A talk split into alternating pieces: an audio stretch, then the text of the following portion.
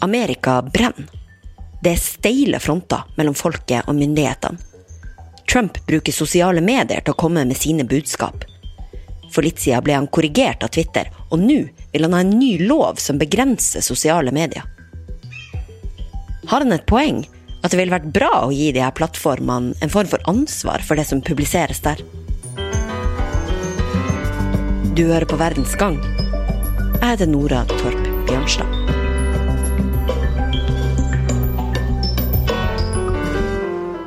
Da Twitter gjorde folk oppmerksom på at det Trump skrev i to av sine meldinger brøyt med selskapets retningslinjer, og strengt tatt ikke stemte helt med hva man har faktagrunnlag for å si, så svarte den amerikanske presidenten med et nytt lovforslag for sosiale medier. The choices that Twitter makes when it chooses to suppress, edit, blacklist, shadow, ban are editorial decisions, pure and simple. They're editorial decisions. In those moments, Twitter ceases to be a neutral public platform and they become an editor with a viewpoint.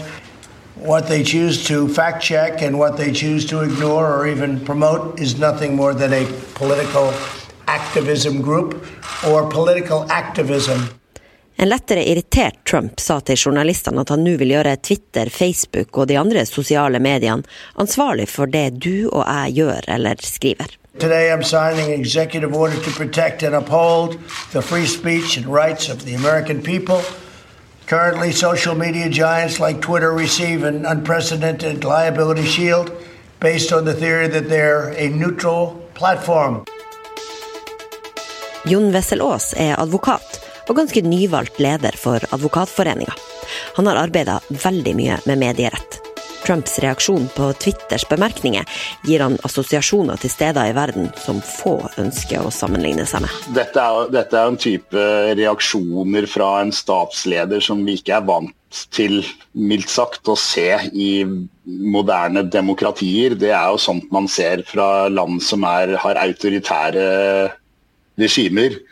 Um,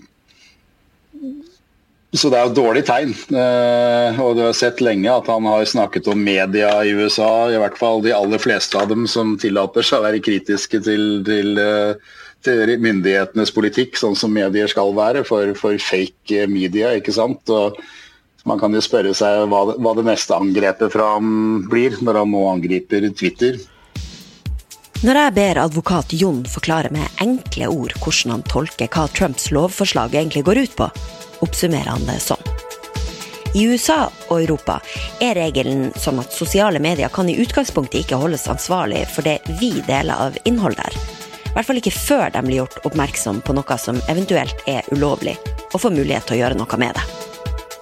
Eh, sånn som jeg har forstått uh, denne lovendringen som, som Trump har, uh, har initiert, så vil det være å endre den regelen sånn at de kan holdes ansvarlig. Og det er jo litt pussig, fordi eh, grunnen til at Trump reagerte, det var jo at de brukte sin, eh, sin nye policy, som da har eksistert en stund, hvor de, hvis noen sprer informasjon som, som de mener åpenbart er, eh, er, falsk, eller i hvert fall er eh, Du kan stille store spørsmål ved, ved riktigheten av, så kan de dels fjerne eh, meldingen, eller de kan, sånn som de gjorde med, med Trumps uh, tweets, som de heter, så lot de dem stå, men de merket dem med at er, her er det tvilsomt med det faktiske innholdet, og de lenket til informasjon med en slags faktasjekk om, om det han skrev om.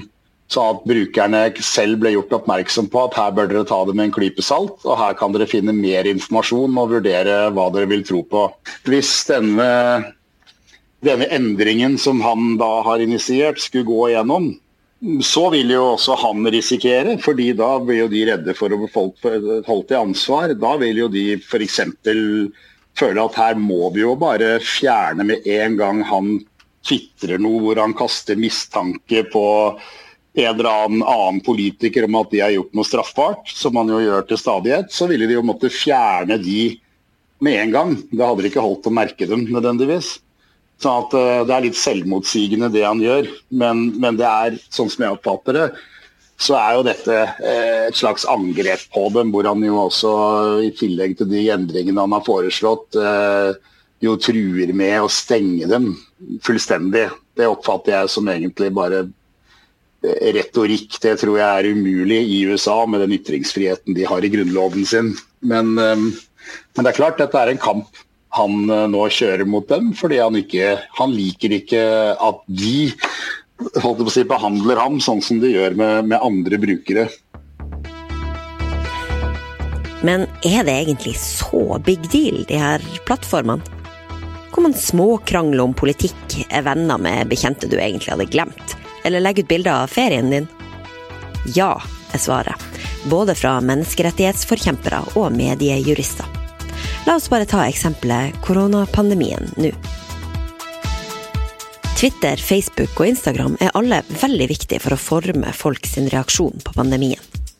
Bare se på hvordan offentlig helsevesen, regjering og institusjoner bruker sosiale medier for å nå ut til folk med informasjon. De speiler også trender. Enten det er oppfordringer til måtehold når du handler i butikken, shaming av folk som bryter karantene, eller håndvasksanger på TikTok.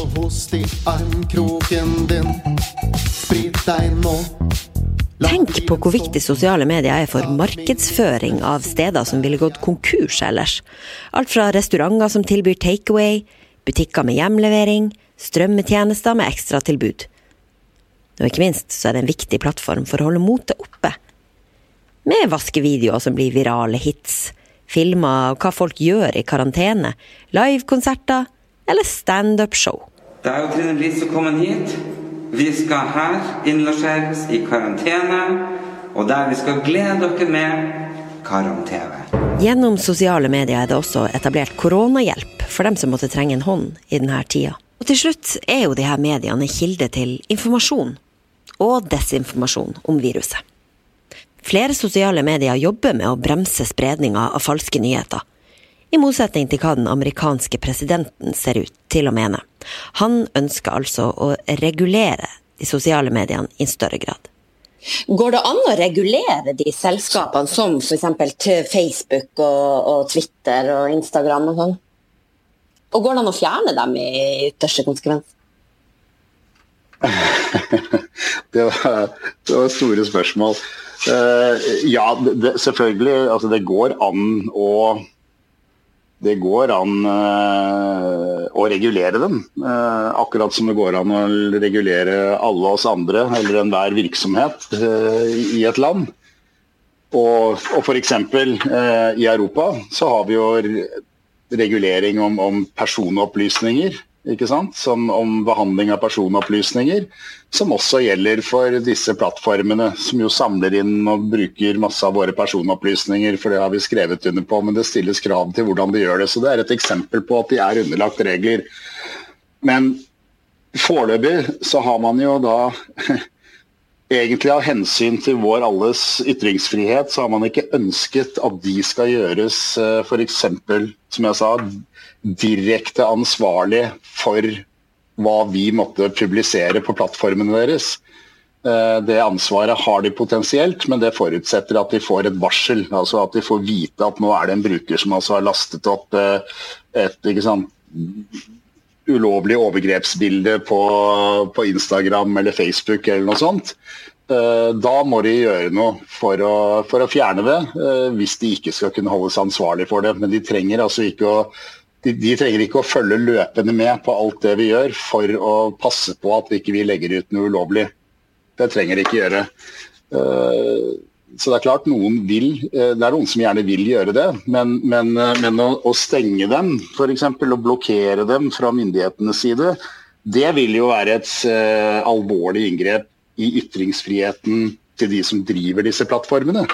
og jeg vil si det i hvert fall grovt og enkelt kan man si at det går ikke an i, uh, i Norge eller Europa eller USA, som også har ytringsfrihet grunnlovsfestet, så kan du ikke bare sensurere en hel plattform. Uh, det kan du ikke gjøre. Den siste uka har vi alle snakka om Trump og Twitter.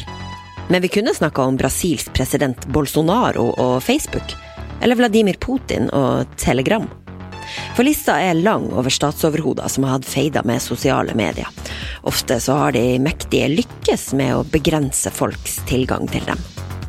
LinkedIn ble f.eks. stengt i Russland i 2016, og meldingstjenesten Telegram i 2018. I Kina er Facebook sperra, i likhet med flere andre sosiale medier. Lenge var Wikipedia blokkert i Tyrkia, og i flere land i Midtøsten så har ikke innbyggerne tilgang til verken WhatsApp, Skype, Snapchat eller FaceTime. Uh, stater som forsøker å regulere sosiale medier, påberoper seg ofte at det er til folkets beste. Uh, Fins det noen grunner, sånn som du ser det, som faktisk er gode til å blokkere eller kneble sosiale medier på et vis? Nei, egentlig ikke. Um, dette, dette, dette går liksom rett inn i den historiske yt ytringsfrihetsdebatten. Altså dette er, dette er egentlig ikke noe nytt. Um, makta, uh, enten det var si, før vi fikk demokratier, men også etter, de har jo alltid etter hvert reagert med mer eller mindre forsøk på regulering eller sensur når det har kommet sånne altså det vi ofte kaller liksom, litt sånn dårlig ord, eh, dårlig folkejord, men paradigmeskifter da, i, i, medieteknologi. For å komme tilbake til Trump igjen, som jo har brukt Twitter mildt sagt ofte frem til det her. Han ble spurt av en CNN-journalist om han ikke bare kunne slutte å bruke Twitter, heller enn å endre loven. Have you given any consideration to deleting your account, to just walking away from this platform you've been so critical of? Well, you know, if uh, you weren't fake, I would not uh, even think about it. I would do that in a heartbeat. I'm real, but the, the, news, uh, the news is fake. Hvis ikke du drev med falske nyheter, så ville jeg gjort det på et blunk, var presidentens svar til det. Til journalisten, som jo jobber under pressens etiske regler. Men når man av ytringsfrihetsgrunner ikke vil at myndigheter skal inn og regulere sosiale medier, hvordan kan du da hindre at eh, de blir et sted der hvor du kan hevde hva som helst av både sårende og ulovlige ting, uten at det blir korrigert? Jo, medierettsadvokaten er med i et europeisk samarbeid som jobber med å løse akkurat det. Det man trenger, det er jo bare altså mest mulig transparens, som det heter. Gjennomsiktighet med hvor er det disse meldingene kommer fra. Når du har sånne kampanjer. altså At det blir lettere gjennom tjenestene og for brukerne å se at disse meldingene jeg får fra tilsynelatende uavhengige kontoer på Twitter eller Facebook som, som påstår et eller annet, de har vi identifisert gjennom algoritmene at de er, en, de er resultat av en koordinert og systematisk kampanje. Altså rett og slett sånn folk blir bedre i stand til å skjønne når de skal være kritiske og ikke være kritiske. Så derfor, derfor, tror i hvert fall jeg på, eh, sammen med ganske mange andre, at er, vi må bare tenke at vi må modnes som brukere. Og, og, gjerne, hvis disse tjenestene ønsker å bidra til det med den teknologien de har, til å synliggjøre hvor ting kommer fra.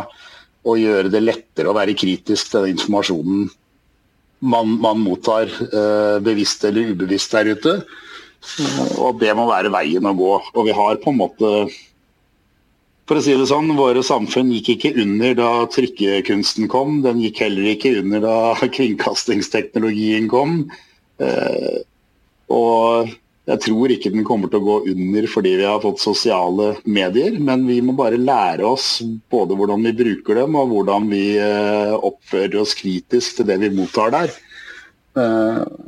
Og enn så fristende det måtte være å tenke at man skal regulere dette fra statens side, så er jeg ganske sikker på at vår historiske erfaring viser at det er det siste vi skal akseptere. Episoden i morgen handler også om USA.